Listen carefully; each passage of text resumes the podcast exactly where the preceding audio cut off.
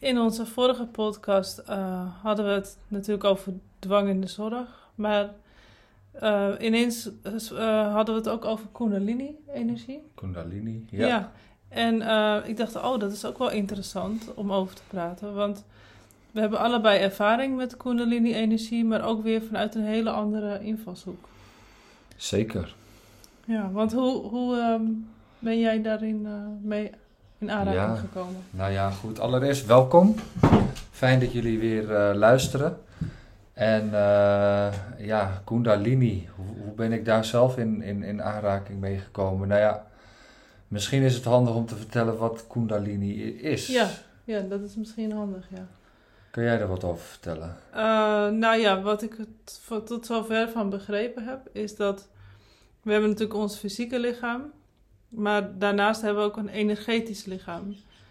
En uh, opgerold in je stuitje in het energetische lichaam ligt een energie verborgen.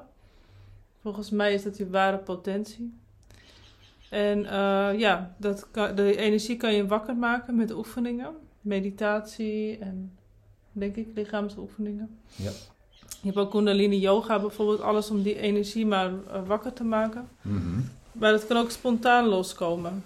Bij grote gebeurtenissen of als iemand heel ziek is. En um, ja, als dat loskomt, dan, dan kom je eigenlijk in contact met je ware kracht, denk ik. Met je ware kracht. En is het, zie jij het ook als een soort van levensenergie of levenskracht of uh, seksuele energie? Uh, ja, seksuele energie is voor mij hetzelfde als levensenergie. Oké. Okay. Uh, ja, het is ook denk ik dat je echt in contact komt met de bron. Dus um, kijk, normaal kunnen er allerlei dingen in, in de weg zitten van jou en je kracht. Uh, twijfels, onzekerheden, ziekte, mm um, ja, trauma. Allemaal allerlei gedachten en gevoelens. Mm Die ervoor zorgen dat, ja, dat je niet in contact staat. En ja, dat kan ineens losbreken. Dan, dan sta je gewoon totaal in je kracht. Dan hoef je daar niet meer over na te denken. Oké. Maar dat ervaar je dan gewoon. Ja, precies. Zo, zo, ervaar ik het een beetje. Ja, ja, ja, ja. Ja, leven of Kundalini. Ik, uh, ik ben zelf in contact gekomen met het woord Kundalini door, uh, ja, door mijn ervaringen met meditatie. Uh, ik, ja, zoals jullie weten, in de gevangenis uh, ben ik uh, in contact gekomen met Osho, die, die spirituele leraar die vroeger ook wel Bhagwan genoemd werd. En hij had een aantal meditaties ontwikkeld, waaronder dus ook die Kundalini-meditatie. En ik had toen een meditatiehandboek gekocht. En dat meditatiehandboek van Osho uh, er stonden dus ook allerlei meditaties beschreven, waaronder dus die Kundalini-meditatie. Maar goed, ik zat in die zaal en ik wilde die meditatie gaan doen. En ik dacht van, nou ja, goed, ik doe gewoon wat op het papiertje staat en dat, dan, dan zal dat wel goed zijn. Dus, maar, mag ik, sorry dat ik je onderbreek, ja. maar wat ik eigenlijk benieuwd naar ben, is waarom wilde je die Kundalini-meditatie? Wat was het dat je las, dat je dacht, hé, hey, daar wil ik mijn best voor doen. Om ja. in steken. Want het is nogal wat. Ja, nee, ja. ja voor, ik dacht daar niet echt over na. Het, het sprak me aan. Ik denk van, nou, het schudden, dat kan ik wel. Ik hoefde er niet te veel over na te denken. En ik vond, het doen was voor mij gewoon meer wat mij aansprak. Want je hebt dus verschillende fases in die meditaties die je dan doet. Welke fases? Uh, vier fases. Vier van die fases. Uh, de eerste fase is... Uh, een kwartier lang schudden. En dat schudden dat laat je dan vanzelf ontstaan vanuit je voeten. En dan begint het te trillen en dat neem je dan helemaal mee door je hele lichaam. en dan vervolgens gaat je hele lichaam gewoon schudden. Dat gaat gewoon vanzelf. En dan schud je eigenlijk van binnenuit uh, alles los. Uh, met de nadruk op je, op, je, op je sacrale centrum een beetje. Dat een beetje je heupgebied zo. En vervolgens uh, nou, doe je dat een kwartier. En dan heb je daarna een kwartier. Uh, je hebt normaal gesproken een CD die zet je op en die, heeft, die begeleid je dan door die vier uh, fases heen met verschillende klanken en geluiden. Voor Osho? Ja, door, door, door iemand ontwikkeld voor Osho. Ja. Oh, ja. En um, nou ja, goed, de eerste fase is dat schudden en dan heb je daar ook muziek bij. En de tweede fase is dansen. Dus dan dans je op een bepaalde muziek. Maar dat dansen laat je ook vanzelf gebeuren. Dat ga je niet zelf doen. Maar je laat de energie gewoon stromen zoals het wil stromen op de muziek. Ja. En eh, dat is heel fijn. En daarmee maak je het lichaam nog meer wakker. Die energie in je lichaam. En vervolgens heb je de derde fase. Dan ga je dus, eh, je kan je dus eh, staan of zitten. En dan ehm, eh, ja, hoor je dus ook allerlei klanken door die muziek. En, en die klanken die zorgen ervoor dat, het, ja, dat je bewust wordt van bepaalde energie en hoe die stromen In je lichaam. in je lichaam. Ja. En daar ben je gewoon bij aanwezig. Je observeert, Oh, ja. je, bent, je, je bent je- gewoon een stille aanwezigheid. En dan de, derde, de vierde fase, dat is dan eigenlijk dat je gewoon gaat liggen. En dan vanuit je kruinchakra, dus het, het- ja, dat punt boven je, op je, op je, op je, op je kruin van je hoofd. En eh, nou, verbind je met de kosmos en in stilte en je ligt daar maar en gewoon aanwezig te zijn. Ja. En dat is de, de, de, de meditatie. Maar goed, eh, in de gevangenis had ik dus niet die CD. En ehm, dus wat ik deed is dat ik gewoon in het begin een kwartier ging schudden. Eh, en dan een kwartier dansen op muziek van de radio. Oh ja. En dan een kwartier stilstaan of zitten. En dan een kwartier liggen. En dat was het. En dat deed ik dan een paar, eh, drie maanden of zo. Elke dag? Eh, zo goed als elke dag. Zo. Oh ja. En dus je elke dag een uur gewoon bezig. elke dag een uur bezig inderdaad. Activatie Ja. eigenlijk. Ja. En, maar wat ik op een gegeven moment merkte aan mezelf, is dat ik heel vaak heel duizelig werd. Tijdens het dansen? Of Nee, door het dagelijks leven heen. Oh ja? Daar. Nou, Oh. Ik deed die meditatie en deed, in de tussentijd deed ik gewoon mijn ding. En dan merkte ik dat ik duizelig werd. Maar op een gegeven moment merkte ik dat, ik, dat er iets uit mijn lichaam zo omhoog wilde. Ja. Een energie, alsof ik uit mijn lichaam ges- ges- gestuwd werd. En dat was zo heftig, ehm, dat ik eh, op een gegeven moment maar, eh, maar iemand gebeld heb, heb die, eh, waarvan ik dacht van, nou ja, die zal het wel weten. En ik had van die briefjes eh, en, en daar stond een telefoonnummer op. En toen kwam ik in contact met Ojas, heb ik het eerder over gehad. Ja, want in het meditatieboek wat je las, daar stonden die telefoonnummers in, toch? Nee, ik kreeg van die foldertjes eh, van meditatieverzoeken, zeg maar, of meditatieworkshoppen. Ja. En daar stond dan een telefoonnummer op. Oh. En dat heb ik dan maar gewoon gebeld. En Ja. toen, nou, goed, toen heb ik met Ojas gesproken. En eh, nou, toen heb ik verteld over mijn situatie. En, eh, en, en, en heb ik hem gevraagd van ja, ik weet niet wat ik moet doen. En wat hij me toen adviseerde. Kijk, als je alleen die kundalini meditatie gaat doen. En je weet niet wat je doet. En je kan jezelf niet aarden. Mhm. Hè, terugbrengen op aarde. Dus, dus verbinding maken met, je met, met de aarding. Dan gaat het zijn eigen leven leven. Dan, gaat het eigenlijk, dan ga je eigenlijk omhoog. Maar zou die aarding dan niet onderdeel moeten zijn van die oefening? Of is er iets dat je dat Nou ja, normaal gesproken daarnaast doet?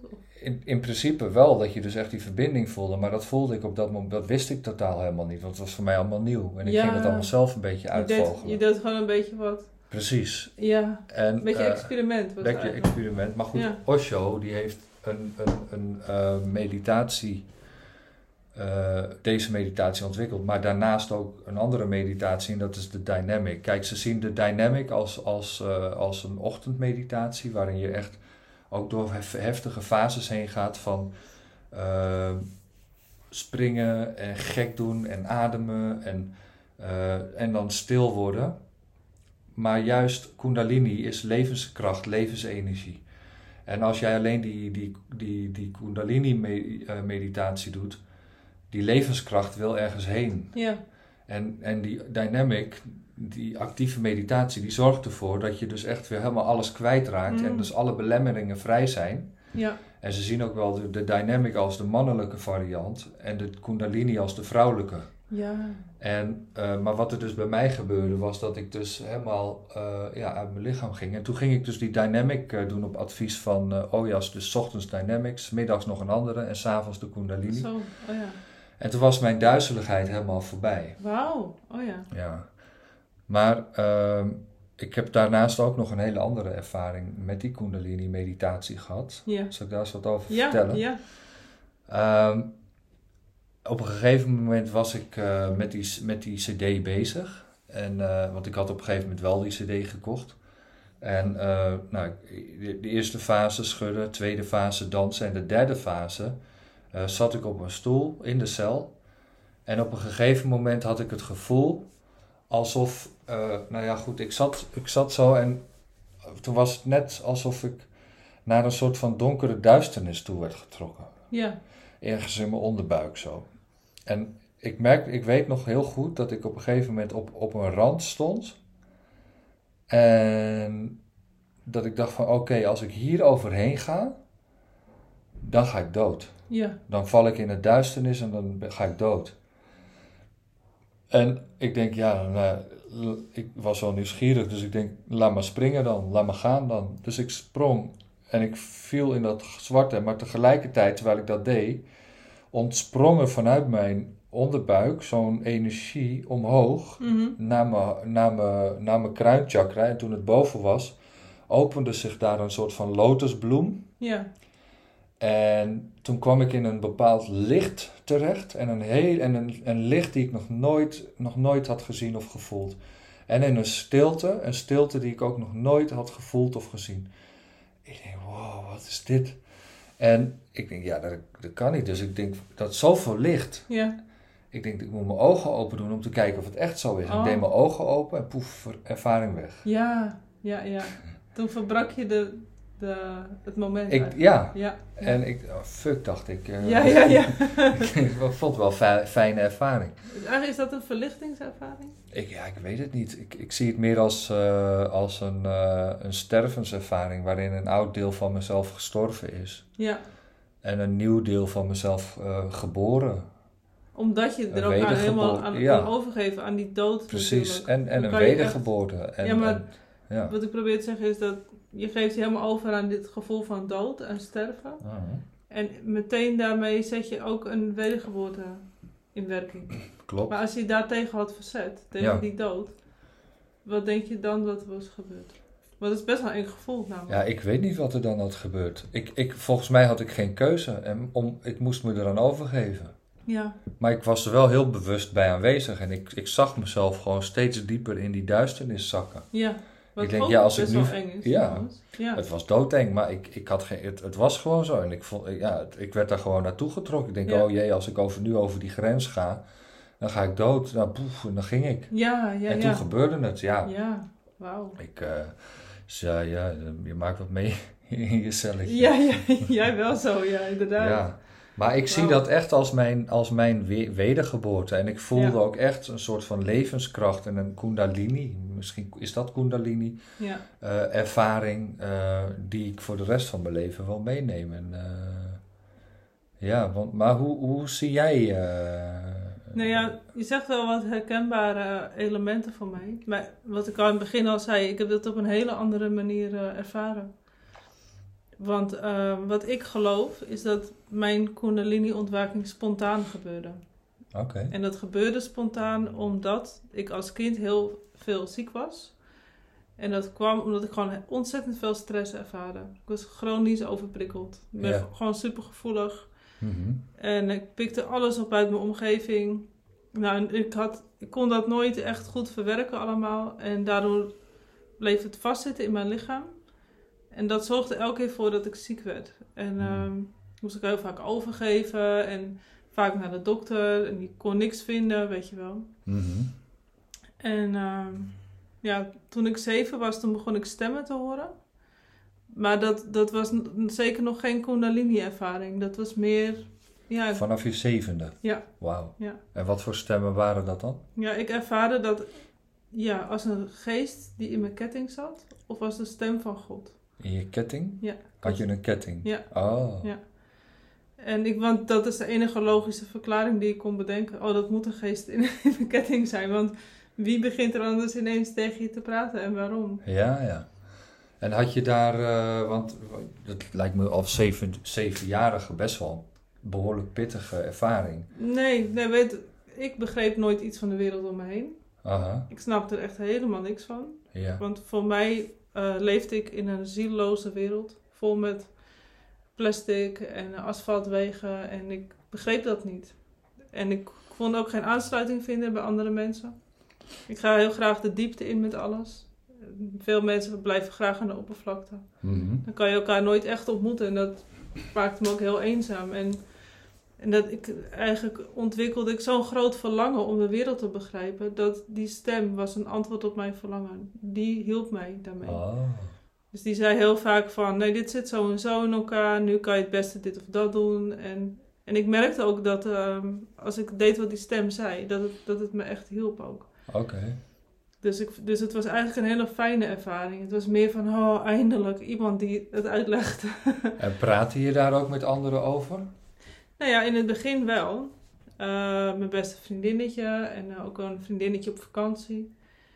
En ehm, ja, op vakantie, eh, toen werd ik later uitgescholden voor gek, geloof ik. Hmm. Charlotte die hoort stemmen, weet je wel. Hmm. En en je ouders? En mijn ouders, die, ehm, ja, die, die konden daar niet zoveel mee. Die deden daar ook niet zoveel mee. Oh. Die dachten waarschijnlijk gewoon, oh, ze is weer aan het fantaseren. Ik heb een enorme fantasie, toen ook al. Ja. En ehm, ja, mijn, en mijn vriendinnetje op school, mijn beste vriendinnetje, die, die zei dat ze dat ook had. Dus ik was heel blij om dat te horen. En een aantal jaren daarna zei ze dat dat niet zo was. Ze zei het alleen maar omdat ze dacht dat het een leuk spelletje was tussen ons. Oh. En, en, maar eigenlijk leerde ik door die ervaringen dat, dat niet iedereen stemmen in zijn hoofd had. Ik dacht, ik ging er eigenlijk van uit. Ik ben nu zeven, dus ik hoor nu stemmen. Dus iedereen zal op zijn zevende wel stemmen beginnen te horen. Dat hoort, Ja. hoort erbij. En toen kwam ik er dus achter dat dat niet zo was. En toen? Ja, en aan de ene kant was die stem dus heel helpend. Maar aan de andere kant eh, ervaar je dan dat je daar nog eenzamer in wordt. Want, want het is nog weer iets extra's waardoor je afgesneden bent van de rest van de wereld. Wa- Waardoor je niet kan aansluiten. Ja. Ja. Maar eh, ja, ik voelde me gewoon veilig met, met mijn stem, zeg Oké. maar. En, eh, maar toen ik 13 jaar oud was, toen eh, kreeg ik een toxoplasmose-infectie. En dat is? Nou, een kat die heeft parasieten vaak bij zich. Ja. En eh, twee derde van alle mensen die worden daarmee besmet. En die merkt bijna niets. Of je krijgt misschien een klein griepje of weet je wel. Maar als je een slechte weerstand hebt, wat ik toen heel erg had, dan kan je daar echt psychotisch van worden. Want het doet ook echt iets met je brein. Hmm. En ehm, ze dachten dat ik de ziekte van vijver had, want ik had opgezette lymfeklieren in mijn nek. Ja. En mijn lever eh, die was ook vergroot. Eh, maar ze konden niets vinden in mijn bloed. De, maar ze dachten van ja, weet je, het zal, het zal wel toch even goed de ziekte van vijver zijn, gaat vanzelf over. En dat, dat was ook zo. Hmm. Maar achteraf las ik dus dat als ze niets vinden in je bloed. Je hebt net jonge katjes in huis, nou dat hadden wij toen. En eh, ja, al, ik telde al die puzzelstukjes bij elkaar op. Ik denk ja, dat, had, dat was gewoon een toxoplasmose-infectie voor mij. Oké. Maar eh, wat er toen gebeurde eigenlijk, ehm, is dat ik denk ik, ja, na die infectie, toen ging ik naar, ook naar een andere school, dus een grote verandering. Vaak is een kundalini-ontwaking begint ook met een grote verandering in je leven. Mhm. En wat ik ervaarde is dat de hele wereld stil werd om me heen. Het was net of ik in een vacuüm terecht kwam. Dus ik ging even goed gewoon naar school. Ik had gewoon mijn vriendinnetjes. Maar het voelde alsof ik steeds meer in een stilte en in een leegte terecht kwam. En op een gegeven moment raakte ik ook vriendinnetjes kwijt. Ik werd steeds meer eh, alleen op mezelf. Ja, ja. En, en ja, dat vond ik dus eh, herkenbaar wat je net vertelde, dat gevoel van doodgaan. En ik heb ontdekt dat heel veel mensen dat hebben die een psychose hebben gehad. Die- op een gegeven moment heb je het gevoel, ik ga dood, of weet je wel. En dat is best wel een sterk gevoel. En ik had dat toen ook. Ik weet nog heel goed dat ik op mijn fietsje naar huis fietste. En dat ik dacht, eh, nee, ik dacht het niet. Ik voelde het. Ik voelde, ik ga, binnenkort ga ik dood. Ik weet dat gewoon. Ik wist niet waaraan, of het een ziekte was of wat dan ook, maar ik wist dat het ging gebeuren. En dat was een heel apart gevoel. Ik was er ook niet bang voor. Ik wist het gewoon. En En toen was je 13 jaar. ja, Oké. En eh, nog even teruggaand op, eh, op de vorige ervaringen, want toen was je 7, zei je. Mm, mhm. En volgens mij was jij eh, toen je 6 was ook verhuisd. klopt. Van, een, eh, van je, ja, het huis waar je bent geboren, of tenminste bent opgegroeid vanaf, baby, eh, vanaf dat je baby was. Ja. En dan, ben je, dan verhuis je dus naar een nieuwe woning en, en dan ineens ben je zeven jaar. En dan krijg je ineens die ervaring van die stem. Denk Ja. je dat daar iets, een link zit? Ja, zeker weten. Ja, en het is ook zo, wat denk ik ook mee te maken heeft, is dat vaak wordt gezegd dat kinderen tot een jaar of zeven nog heel erg in contact staan met de spirituele wereld. Ja. Maar als je zeven bent, dan gebeuren er zoveel dingen om je heen. Dus je gaat langer naar school en eh, je bent meer bezig met je hoofd. Komt meer en meer ruis of zo. eh. Ja, er komt zoveel ruis dat, dat die connectie gewoon minder wordt. En, en dat was denk ik voor mij een moment dat, dat ik het niet meer begreep. Want, want die connectie, die snap ik. Dat merk ik ook met de psychedelica. Daardoor heb ik die connectie weer hersteld. Ja. En dat is een energie die ik begrijp. Oké. Maar als, die, als ik die connectie niet voel, als ik te veel in mijn hoofd zit, ja, dan, dan klopt het gewoon niet meer voor mij. En daar hielp die stem me toen bij. Oké. Ja, Ja, navigeren. Het hoeven Navigeren. navigeren, ja. Ja, precies. Nou ja, goed. Het Ja. heeft jou op dat moment geholpen. Ja, En ehm, ja, dan ben je 13 jaar, dan heb je zo'n ervaring. ja. En eh, ja, je bent dus letterlijk gestorven. Nou, nou, nou ja, weet, nee, dat voelde dus niet zo. Oké. Ja, dat is heel apart. Maar, maar wat je zei over die stilte ook, dat, dat ervaar ik dus wel heel erg. Dat in eh, zo'n transformatie, zo'n grote verandering in mijn leven, dan voel ik altijd een, eerst een enorme stilte op me neerdalen. Ja. En ehm, toen ik zes was, daar had je het over dat ik ging verhuizen. Dat is trouwens ook nog wel grappig. Ja. Want ik heb twee jongere zusjes en die gingen gewoon buiten spelen. De eerste dag dat we waren verhuisd. En eh, ja, die, die konden gewoon heel makkelijk wennen aan dat Mhm. nieuwe huis. Mhm. En mijn moeder vertelde me dat ik heb een hele dag gewoon op de bank gezeten en voor me uitgestaard. Oh. Ja. En eigenlijk zat ik dus toen in die stilte, denk ik. Ik heb die stilte nodig om alles te laten landen. Ja. En eh, ja, en dus toen ik 13 was, had ik dus weer dat ik voelde dat ik dood ging. En die, die, die vacuüm, dat vacuüm waar ik in terecht kwam, die stilte. Ja. Ja, dus dat, dat is ook wel iets wat ik herken. Ja. Ja. Ja. Ja, precies. Nou, het is echt wel interessant wat je zegt. Nou, ik, ik moet zelf eh, denken aan een eh, eh, ervaring die ik heb gehad. Want ik heb een tijdje heb ik, ja, me gemengd in een groep waar ook zo'n zo'n zo'n spiritueel leraar aanwezig was. Daniel Juno heet hij. Ja.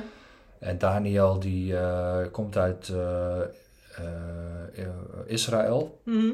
Maar heeft zijn leven op, opgebouwd hier in Nederland. Hij spreekt ook gewoon Nederlands. En hij, ja, hij, hij komt uit de traditie van universeel bewustzijn. En dat is een traditie vanuit Tibet, heel oud. En wat heel erg verborgen was vro- vroeger. Eigenlijk geheime genootschap. Mhm. En eh, ja, nou ja, daar is in, in, in Tibet de, in de vroegere jaren heel veel gebeurd. Eh, waardoor heel veel tempels ook eh, kapot zijn gemaakt en heel veel van die kennis ook vernietigd is. Maar er is ook wat vanuit gebleven. En Daniel is een van die, na, nou, of zeg maar, diegene die die, die, die, die die kennis nog in zich draagt. Zeg maar. Oh ja. En ehm, nou ja, goed, we gingen naar, eh, naar allerlei eh, lezingen van hem en eh, nou, er gebeurt er echt van alles. Dus Hm. word je ook gewoon gelijk in een proces gestopt. Maar de eerste ontmoeting die ik met hem had, was een kun, ja, Kundalini eh, workshop. Ja. En ik dacht echt van, nou, we gaan nu met seksuele energie werken en weet ik het allemaal wat. En het enige wat we deden is, eh, is eh, want je hebt Kundalini yoga, Kundalini tantra, Kundalini dit, Kundalini dat. Maar dit is gewoon een hele andere manier van Kundalini ervaren. En dat, wat, wat we deden is eigenlijk allerlei oefeningen Mhm. dansen, plezier maken, gek doen, rare geluiden maken. Om die levenskracht wakker te maken. En, Ja. en, en, en dan vervolgens ben je helemaal in je eigen kracht.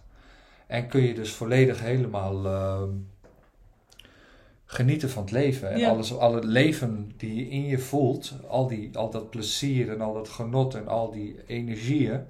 Daar kun je dan vervolgens mee zijn en de wereld mee in. Ja.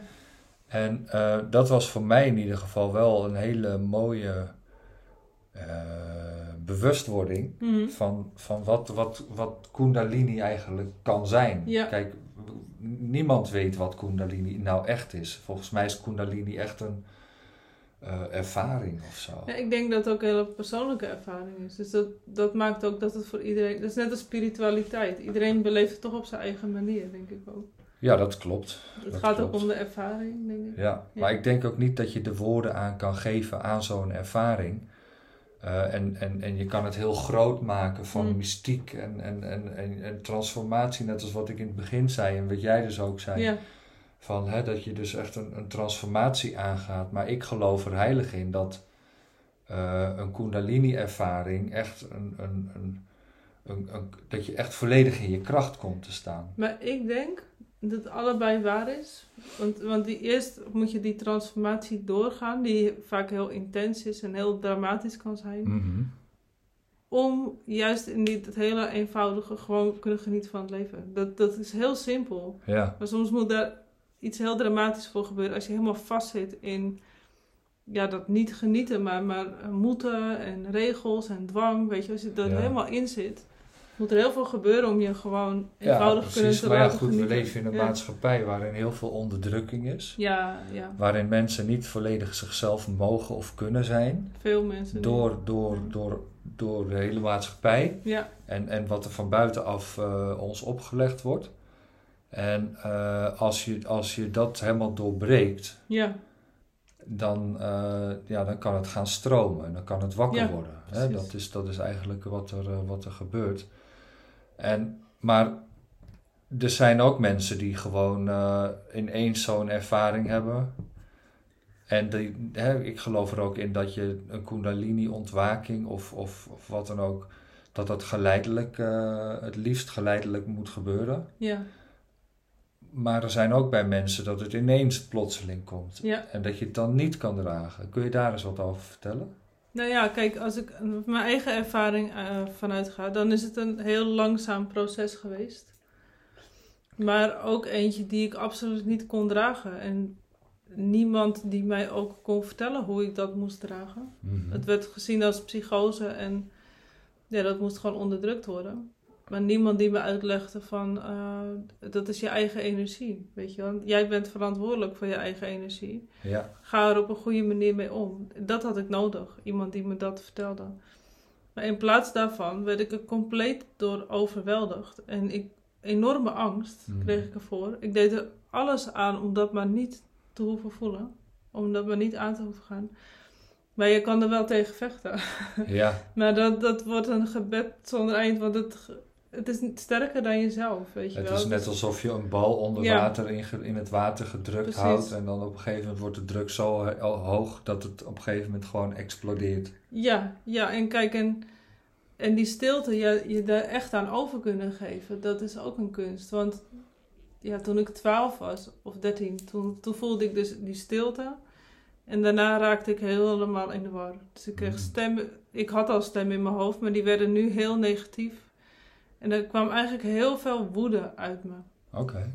En, eh, en angst, weet je wel. En alleen maar negatieve emoties. En Mhm. nu zie ik dat als een clearing, weet je wel. Dat, dat moest gewoon opgeschoond worden. Dat is onderdeel van het proces. Ja, ja. Maar toen, ja, ik, eh, ik had woede aanvallen. Ik, ik, eh, ik kon bijvoorbeeld heel moeilijk tegen veranderingen. Dat was extra stress voor mij. En ik stond al onder hoogspanning. Ja, En dan flipte ik gewoon helemaal. Ik heb wel eens mijn, mijn kledingkast, heb ik eh, de deur eruit geschopt, weet je wel, Ja. dat soort dingen. Heel Ja. heftig allemaal. aha. Maar, maar niemand die me daar ja, in kon begeleiden. Dat had ik gewoon zo nodig. Hmm. En ja, Ja, eigenlijk was het ook zo ehm, dat wat je vertelt is precies wat Osho eh, mensen leert. Hè? Oh ja? Ik bedoel, het is niet voor niks dat hij zegt dat het de, de juiste balans, ja, eh, dynamic, kundalini, yin en yang, weet je wel? Of Ja. yang en yin is het dan eigenlijk. Hè? Kundalini, eh, in de, of, eh, dynamic in de ochtend, yang, echt Ja. mannelijke energie. En, en, en, en ku- kundalini in de avond, vrouwelijke energie, Yin-energie. ja, En eerst moeten we dus echt die mannelijke, die echt alles eruit gooien en echt in die kracht en helemaal, weet je, alles eruit gooien. ja, ja, Al die blokkades, al die, al die opgehoopte shit die we in ons le- leven eh, binnen in ons dragen. ja, Eh, en als dat opgeruimd is, dan kan je s'avonds met dat schudden en, Ja. en, en, en dat dansen en dat kan het helemaal zachtjes en zo door je heen stromen. Ja. En, dan, en dan vormt het dus ook geen gevaar. Je bent echt in contact door die dynamic met de aarde. En, en, en daardoor kan je dus ook gewoon heel, heel goed ja, dat leven door je heen Ja, eh, laten gaan. En, en, en daarom is het denk ik dat ik die, eh, die ervaring, toen ik dus weer terug was op aarde mm, en ik dus 's ochtends die dynamic deed en s'avonds die kundalini deed, dat ik s'avonds dus ineens die, die, die kundalini ervaring had, tenminste die, die wedergeboorte, want het, het was gedragen, er Ja, waren ja. geen blokkades, het kon niet, want ik heb ook gehoord, ik weet niet of jij dat ooit hebt gehoord, maar dat je dus als je plotseling een kundalini ontwaking krijgt en dus dat het echt energie, en- energie in je lichaam gaat stromen, Ja. dat je jezelf van binnenuit ook helemaal kan opbranden. Nou, als ik naar mijn hele leven kijk, dan... Kijk, ik heb mijn diagnose is ehm schizoaffectieve stoornis. Rapid cycling. Zo. En dat betekent dus dat je en psychoses hebt, manisch bent, dus helemaal euforisch, Mhm. En depressief. Wauw. En, dat, en gedurende de dag ehm, ga je van het ene naar het andere, continu. Dat is een rapid cycling. Sommige mensen doen het maanden, zijn maanden manisch, dan jaren depressief. Maar bij mij ge- gebeurt het allemaal op één dag. Ja. Maar, ehm, eh, maar ik had geen midden. Nee, precies. Ik kon dat niet dragen. Dus, dus die manische en die psychotische bui, die putten me elke keer compleet uit. Mhm. Tot ik helemaal depressief hier op de bank lag. Ja. Mijn bed niet uit durfde te komen. Maar, maar dat is eigenlijk mijn hele leven geweest.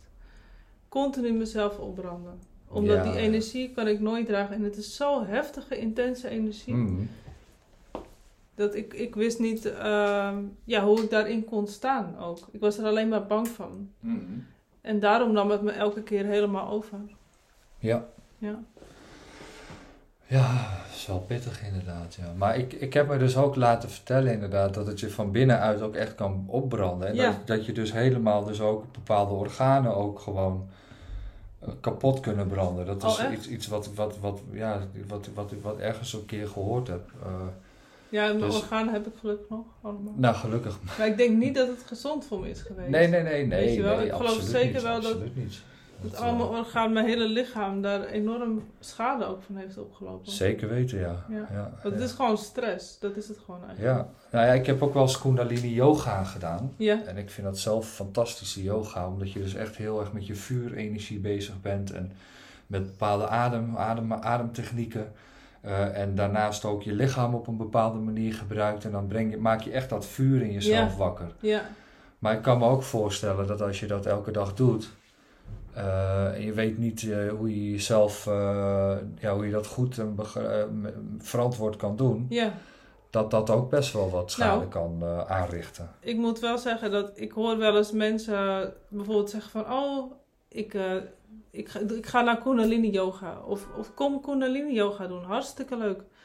En dan denk ik, ja, weet je wel waar je mee bezig bent? Het is niet niks, weet je Mhm. wel. En ik, ik ken mensen die ervan in een psychose zijn geraakt. Oh en, ja? en er n- jaren, nou ik weet niet hoeveel jaar, 20 jaar, misschien 30 jaar, ik weet het niet precies. Ja, Daar nog steeds in zitten ja, ja, ja. ja. omdat ze het niet kunnen dragen. Want, want kijk, en daar, kun, dat, daar kies je niet bewust voor, dat overkomt je, weet je wel. Je weet, dat weet je niet van tevoren. Maar, maar ik denk alleen maar, ja, wees, wees ook gewoon voorzichtig. Zeker. Want, want dat zijn energieën, zo, weet je wel. Dat Mhm. is, dat, dan moet je echt, eh, dat heeft, eist ook respect, zo'n energie. En, en hoe, Ja. hoe kun je als je bijvoorbeeld met Kundalini werkt, of met levensenergie werkt, of met, met deze krachten werkt, hoe kun je ervoor zorgen, volgens jou, dat je dus niet eh, daarin doorschiet, of dat het je Nou. niet opbrandt, of dat het je niet kapot maakt, of dat het je niet Ja. schadelijk is? Nou kijk, ja, ik werd dus altijd heen en weer geslingerd door die energieën. Eh, ik, wil, ik wil ook nog trouwens één ervaring vertellen, want ik wist ook niet wat er met mij aan de hand was. Maar ik kreeg eh, zeg maar onderweg wel af en toe hints. En ehm, ik weet nog, toen was ik net ziek geworden. Toen was ik 24. Of nog een keer ziek, toen was ik nog een keer psychotisch. En toen zei mijn moeder, misschien moet je een keer naar een eh, cursus gaan voor hooggevoelige mensen. En nou, dat leek me wat, dus daar ging ik heen. En op een gegeven moment had die vrouw het over Kundalini-energie. En ik had daar nog nooit van gehoord. En we deden meditatie, we deden onze ogen dicht. En ik zag, ik zag zo duidelijk een slang voor me. Ja. Het was een heel intense uh, ervaring. En dat vertelde ik tegen haar. Ze zei, oh, slang is het symbool van de Kundalini-energie. En toen, weet je wel, dat voelde echt een soort van teken. Van, ja, dat kan je niet weten, maar je voelt wel Ja. wat er met je aan de hand is. Ja. En, ja, en hoe kan je dat nou dragen? Nou ja, ik, ik kon het dus niet dragen tot mijn dertigste. Ik was er alleen maar bang van. En, ja, want ze zeggen ook wel eens dat slangen die langs je wervelkolom zo ja, zigzaggend zo omhoog eh, gaan en dan vervolgens komen ze bij je derde oog en dan kijken, en dan kijken die twee slangenkoppen ja, eh, zichzelf aan. ja, En, eh, en dan heb je vanuit je derde oog een soort van oh, Ja.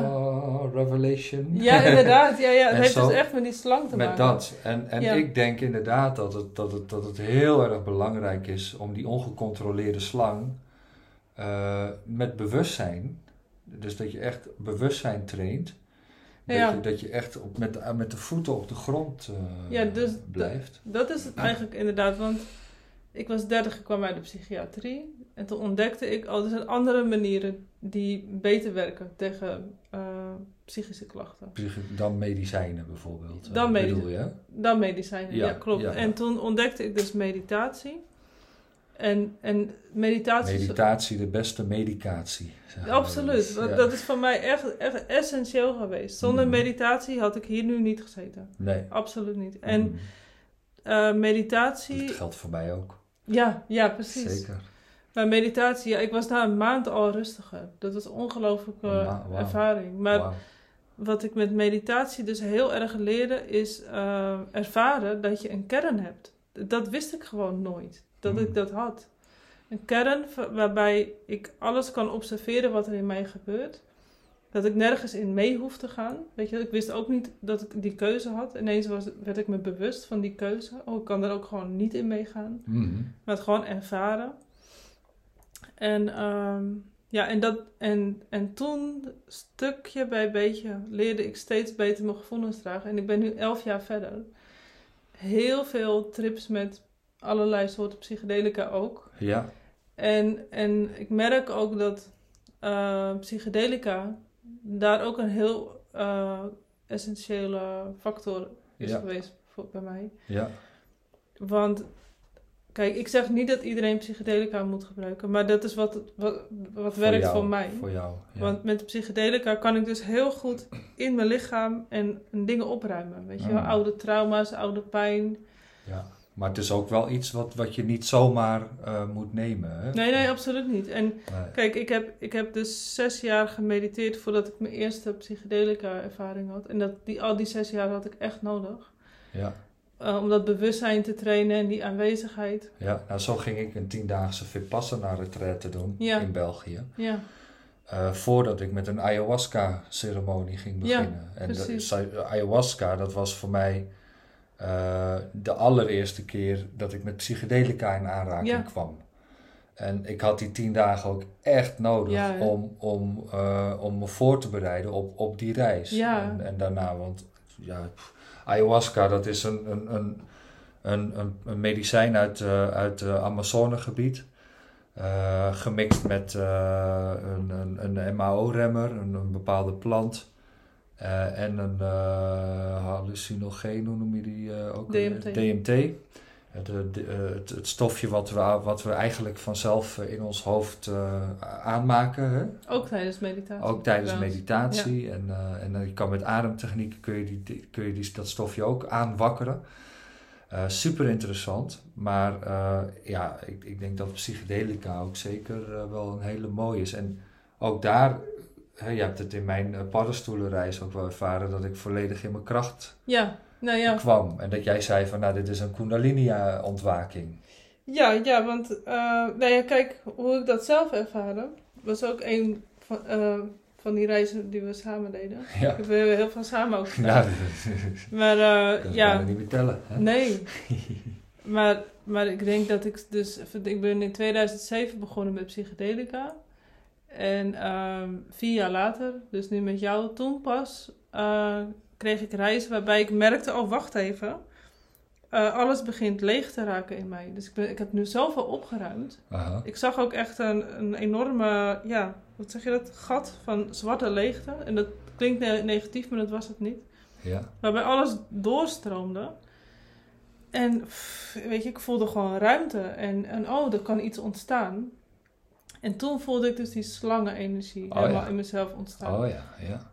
Ja, en toen kreeg ik de onbedwingbare behoefte aan een slangenring. Die ik van jou heb gekregen. Ja. Daar ben ik heel blij mee. Want elke keer als ik naar die ring kijk, denk ik, oh, dat is mijn kracht. Dat is, ja, oh, dat, ja. en eindelijk, eindelijk leer ik dat te dragen. Weet je? Ah. Ik ben er nog niet hoor, want af en toe raak ik nog een beetje ja.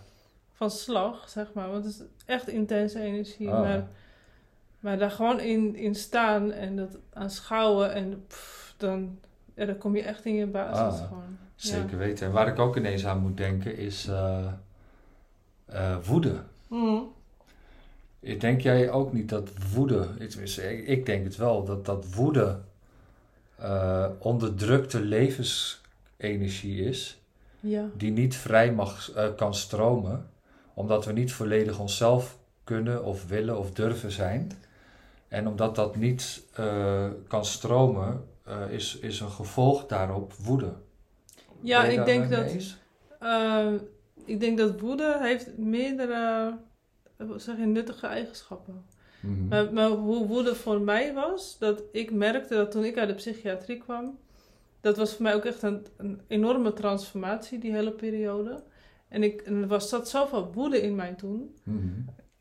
Maar die woede zorgde ervoor dat ik in contact kwam, ook echt met mijn kracht. Mhm. En door die woede kon ik eruit, weet je wel. Het Ja. moest en zou uit die psychiatrie, kost wat het Ja. kost. En die woede was die aandrijving, dat was mijn motor. Ja, ja, ja. Die had ik echt nodig. En, maar woede is ja, dat had ook ik ook in mijn, eh, om uit de kliniek te gaan.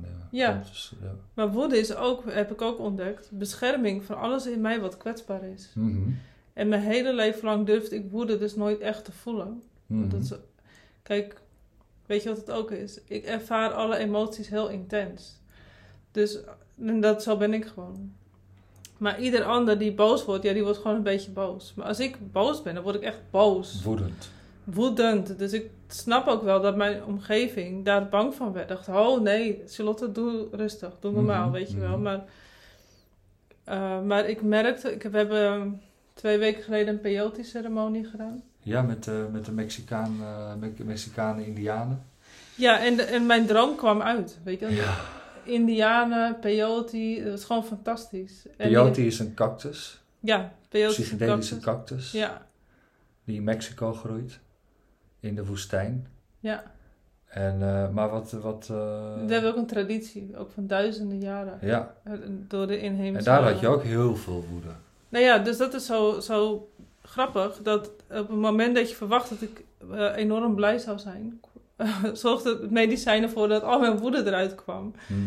En, eh, en dat was zo goed voor mij om dat helemaal te voelen. Mhm.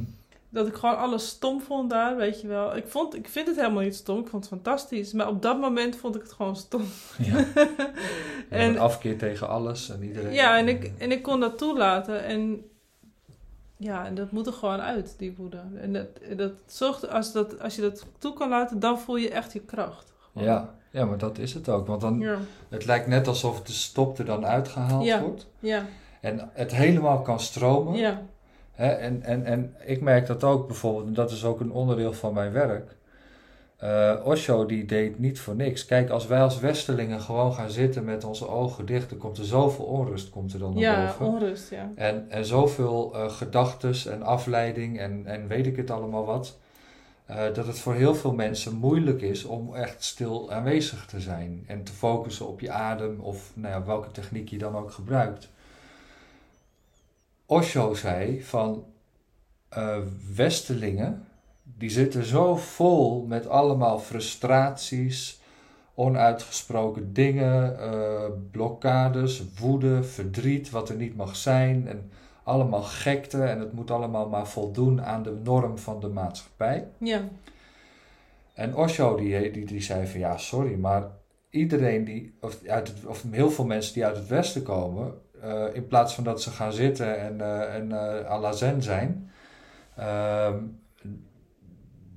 is het eerst de bedoeling om helemaal uit te freaken. Ja, ja, al die emoties Ja, te laten. dus ik ja. laat, laat mensen soms ook wel gewoon, als ik merk van hé, hey, er zit gewoon veel te veel ellende in, laat Ja. ik ze gewoon lekker gibberish uitspreken. Ja, Dus als ademcoach.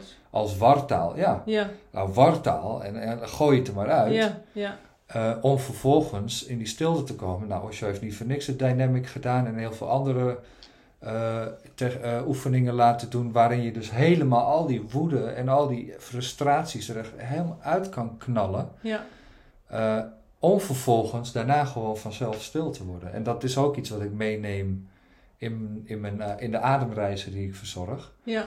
Eh, dat ik mensen dus eerst laat ademen, helemaal door die, door die gekte heen laat gaan en alle woede eruit. Mhm. Om vervolgens in een, echt een rust stilte te vallen. Ja, Die ze, nou, sommigen hoor ik terug van dat ze dat nog nooit zo eerder hebben ervaren. Ja. Dat, dat, dat chattering de eh, hoofd, die, die monkey daarboven, dat die in één keer stil is. ja.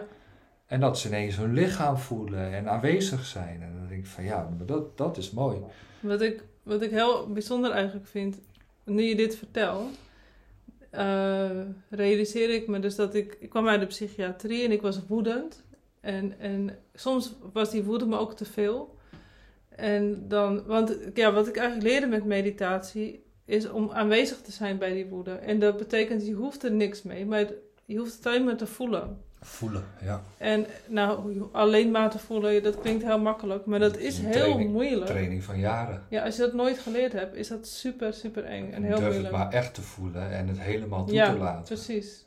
Maar, maar ik was toen dus zo woedend. Dat af en toe moesten er een paar eh, pammetjes in, dus kalmeringsmiddelen, om, eh, om even in coma te gaan. Want ik trok die woede gewoon niet. Nee. Tot ik ging mediteren. En nu realiseer ik me, nu jij dit zegt, dat eigenlijk ehm, de natuur Ja, eh, heeft zijn eigen proces die gewoon klopt. Weet je wel? Dus, dus ehm, ik heb dat niet in een boek gelezen, niemand die me dat vertelde, maar dat loopt gewoon zo en dat loopt precies op de goede manier. Eerst voelde ik die woede, daarna ging ik mediteren en dat is precies de combinatie die ik nodig had. juist. Ja. ja. Dus onbewust deed je toch ook een beetje Osho. Nou ja, we- weet je wat ik geloof? Dat we, we zijn allemaal ingetapt op universeel bewustzijn. Ja, En, en, ehm, en we hebben allemaal onze natuurlijke intelligentie. En ja, soms ben je daar gewoon niet bewust van. Dat, dat je dingen gewoon ergens wel weet of zo.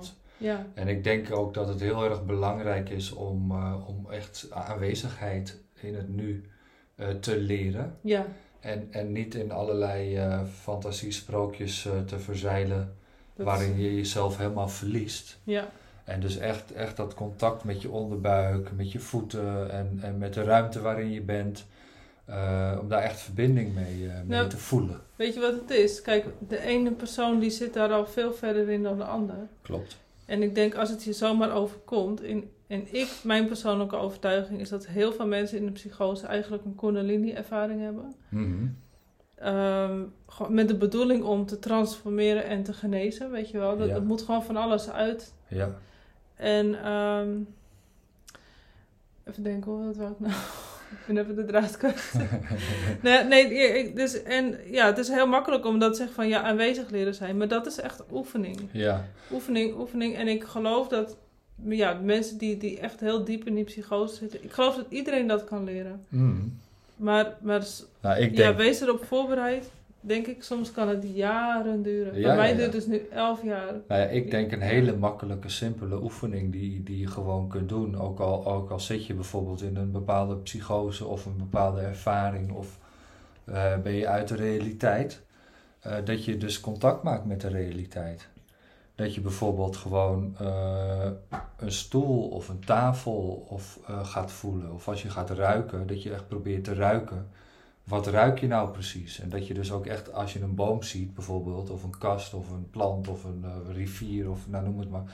Dat je als je die ziet, dat je hem ook echt ziet. Is dat mindfulness? Dat is aanwezigheid, is mindfulness. Ja, dat is, Ja. dat is, dat is ja, ook een vorm van meditatie waarin je dus heel bewust leert eh, kijken naar de werkelijkheid Ja. zoals die op dit moment is. Ja, ja. En dan, dan merk je, tenminste ik heb dan altijd gemerkt dat ik dan eh, vanuit eh, mijn mind in, in de realiteit kom. Ja, En in deze realiteit, in dit moment, ja, is er niks anders dan wat je ziet en waar je, wat je ervaart. Nou, voor mij was de realiteit dus altijd zoiets bedreigends, omdat Hmm. ik daar nooit contact mee had, dat onbewust ik er alles aan deed om hier niet aanwezig te hoeven zijn. Nee. En eigenlijk die hele kundalini-ervaring slash psychose dwong me om hier dus aanwezig te leren zijn. Hmm. Maar, maar ik denk dat die oefening die je beschrijft, is de beste oefening die je kan doen. Maar ik hoorde daar al van toen ik net in de psychiatrie kwam over mindfulness. En ik wist dat het me zou helpen, maar ik kon het gewoon niet. Dat, Ja. heeft, me- dat heeft me dus nu, dat heeft me dus jaren gekost om alleen maar geestelijk op voor te bereiden. Hmm. En dan op een gegeven moment gebeuren er allerlei dingen waardoor je wat moet, weet je wel. Ja, ja, ja, ja, ja. En dan moet je aanwezig zijn. En ja, dus het kan gewoon soms zo'n lang proces zijn. Maar, maar ik denk, het is altijd goed om te weten wat helpt. En, en mee te gaan in dat proces. En op een gegeven moment lukt het wel. Ja, precies. En, en, Ja, en wat voor een advies, stel er luistert nu iemand eh, naar deze podcast en die denkt, wow, wat eh, what the fuck, Eh, ik, ik, ik herken dit helemaal. ja, Eh, ik zit in een ervaring en ik weet echt niet hoe ik hier, eh, hoe ik hier uit eh, moet komen. Er begint van alles te leven in mij en ik, ik, ik voel een soort van ongecontroleerdheid. Ik weet niet wat ik ermee aan moet. En wat voor een advies, eh, zonder diegene direct in een, eh, in een psychiatrische kliniek te stoppen, ja. wat voor een advies zou jij diegene eh, geven? ja. Wat mij dus hielp, is stoppen met koffie, stoppen met alcohol. Want dat zijn Oké. allebei, allerlei stoffen die ervoor zorgen dat je hier niet aanwezig bent. Ehm, Gezonde voeding misschien? Zonder voeding, want dat helpt je echt gronden, echt dragen. En geen veel- suiker? Geen suiker ook, inderdaad. Dat is ook een stof die ook echt iets met je brein doet. Mhm. En ehm, ja, weet je wat? eh, bijvoorbeeld veganistisch eten zou ik niet doen op zo'n moment. Want dat veganistisch eten is niks mis mee. Hoeft niks mis mee te zijn. Ligt ook aan de persoon. Maar het kan er ook voor zorgen dat je heel erg uit je lichaam gaat. Of niet echt in contact bent met de aarde, zeg maar. Ja. Kan, dit is geen dogma of zo, maar dat is hoe ik het ervaar. Mhm. En, en eh, ja, dierlijke producten eten helpt mij wel om, om meer hier te zijn ook. Ja, oké. Dus eh, even los van wat goed of fout is. En ik ben me bewust van de bio-industrie. Ik Ja, eet ja, alleen maar ja. grasgevoerd vlees, weet je wel.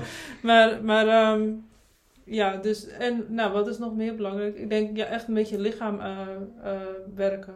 Fysiek sporten? Ja, sporten en... ehm, maar wat ik ook denk, ja, je emoties dus leren voelen en erkennen. En dat, dat gaat het best door bijvoorbeeld te bespreken. En als Ja. dat niet lukt, eh, schrijven dan in ieder geval. Schrijven. Maar, maar laat het stromen in ieder geval, die emoties. Ja, precies. Nou ja, wat ik zelf wel eh, heel fijn heb eh, gevonden in mijn leven. Kijk, ik heb zelf, ik heb wel, ja, niet echt psychotische, ja, psychotische ervaringen gehad. Ja, later misschien. Maar, Ik denk eerlijk gezegd, ieder mens Ieder heeft mens. wel eens psychotische ervaring. Ja, precies. Ja, maar goed, niet, ik heb niet in die mate gehad zoals jij dat Nee, zelf hebt, eh, hebt eh, ervaren. ja. Maar goed, ik heb wel eh, be- behoorlijk wat, wat dingen meegemaakt waarin ik me dus niet gezien, gehoord eh, en begrepen voelde. ja. En ik kan me zo voorstellen dat als je zo'n ervaring hebt, wat het dan ook is, dat het heel fijn is om, uh, uh, om, om met mensen in contact Oh, te zijn. absoluut. Ja, nee, dat Die- is echt die- belangrijk. Die echt, uh, die dat ook hebben ervaren en die pre- precies weten van de hoed en de rand. Ja, en je ook kunnen zien en horen in je ervaringen, zonder dat te veroordelen of zonder te zeggen dat is allemaal in je hoofd of bla bla bla. Maar stel je, stel je bent iemand uh, die uh, voldoet aan waar we het net over hebben. ja, En je, je hebt het gevoel dat je helemaal alleen bent. En je hoort dit nu. ja. Uh, ja, ik, ik zou ook wel graag uh, met iemand in contact moeten ko- willen komen die me begrijpt. Uh, maar hoe, doe je dat? Nou, ehm, ja, hoe doe je dat? Ja, gelijkgestemden opzoeken. En dat, maar dat is moeilijk, want eh, het spirituele wereldje, daar werken nogal wat eh, charlatans. Ja, ja, ja. Maar ik, er is in ieder geval een eh, telefoonnummer Oké. die je kan bellen. Ja. Eh, waar eh, die mensen weten dus wat echt goede alternatieve therapeuten zijn. Ja, oké. Eh, dat weet ik niet. Maar mocht iemand luisteren en het willen weten, stuur me even een berichtje. Breng Ja. je in contact met iemand die dat weet. Precies. Of, of is er nog zoiets van een forum of zo of iets? Of, eh, Nou ja, en, en de natuurlijke GGZ is op op Facebook. Facebook. heb je een. Oh, ja. Eh, daar ben ik dan toevallig de beheerder van. Oh, ja, toevallig. ja, ja. Maar eh, daar gaat het niet alleen maar over Kundalini, maar over allerlei aspecten van natuurlijke manieren van heling. En genezing. Ja. Maar wat elk jaar wordt gegeven is de Crazy Wise conferentie. Crazy wise, ja. En, en ik denk ook, ehm, ja, als je daar naartoe gaat, dat je ontzettend veel gelijkgestemden kunt ontmoeten. En Ah. dat je echt wel goede tips kan krijgen over eh, mensen die daar op een goede Ja. manier mee omgaan.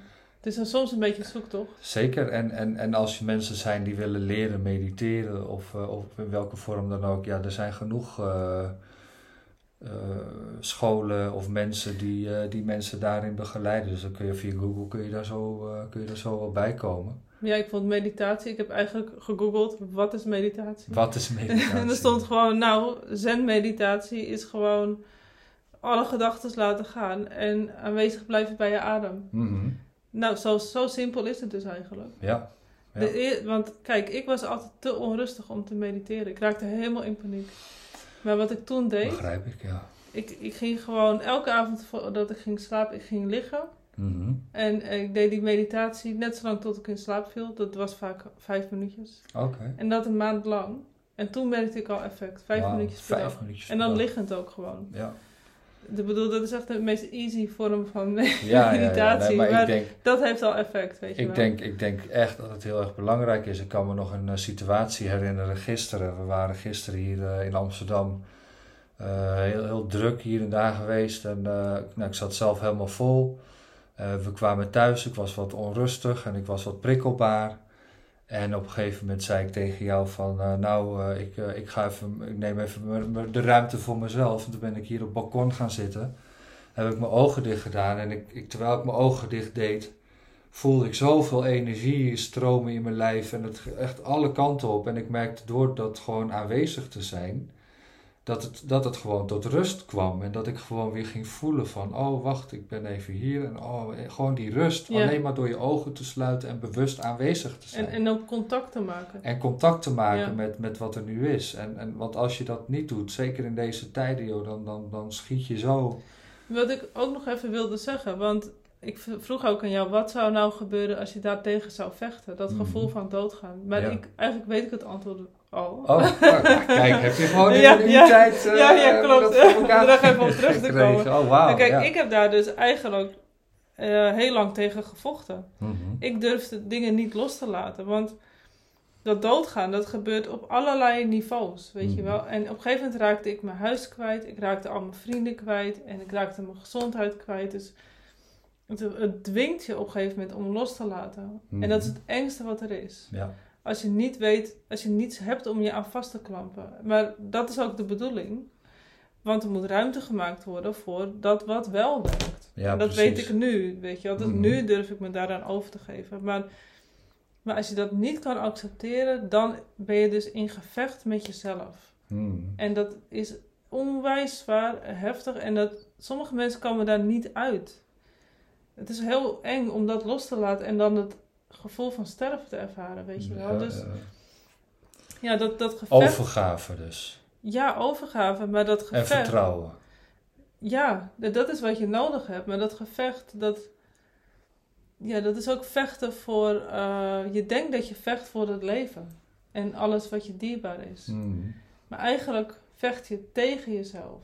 En ik denk dat dat ook heel belangrijk is om het te realiseren. Als je het vecht tegen loslaat en tegen dat, ja, hoe zeg je dat, eh, zeg je symbolische sterven. Mhm. Ja, dat je dan eigenlijk tegen jezelf vecht. En het, en het is eigenlijk de kunst ook, denk ik, om het vechten gewoon los te laten. Gewoon, je- Mhm. gewoon je hoeft niks meer te doen. Je hoeft niet te Mhm. vechten.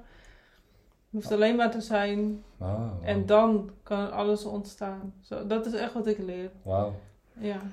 Nou, ik vind dat wel een hele mooie afsluiter. Want we zijn Ja. alweer een uur aan het Nou, het gaat zo snel. Ik denk, nou, nog veel meer zeggen. Ja, ja, ja, nee, ja, jammer. Een, ja, een uur is mooi, mooi zo. Een uur, anders dan zitten we hier eh, vanavond eh, laat inderdaad. nog. En dan denken de luisteraars ook weer van, nou, pff, ik heb nog meer te doen. Ja, ja, ja.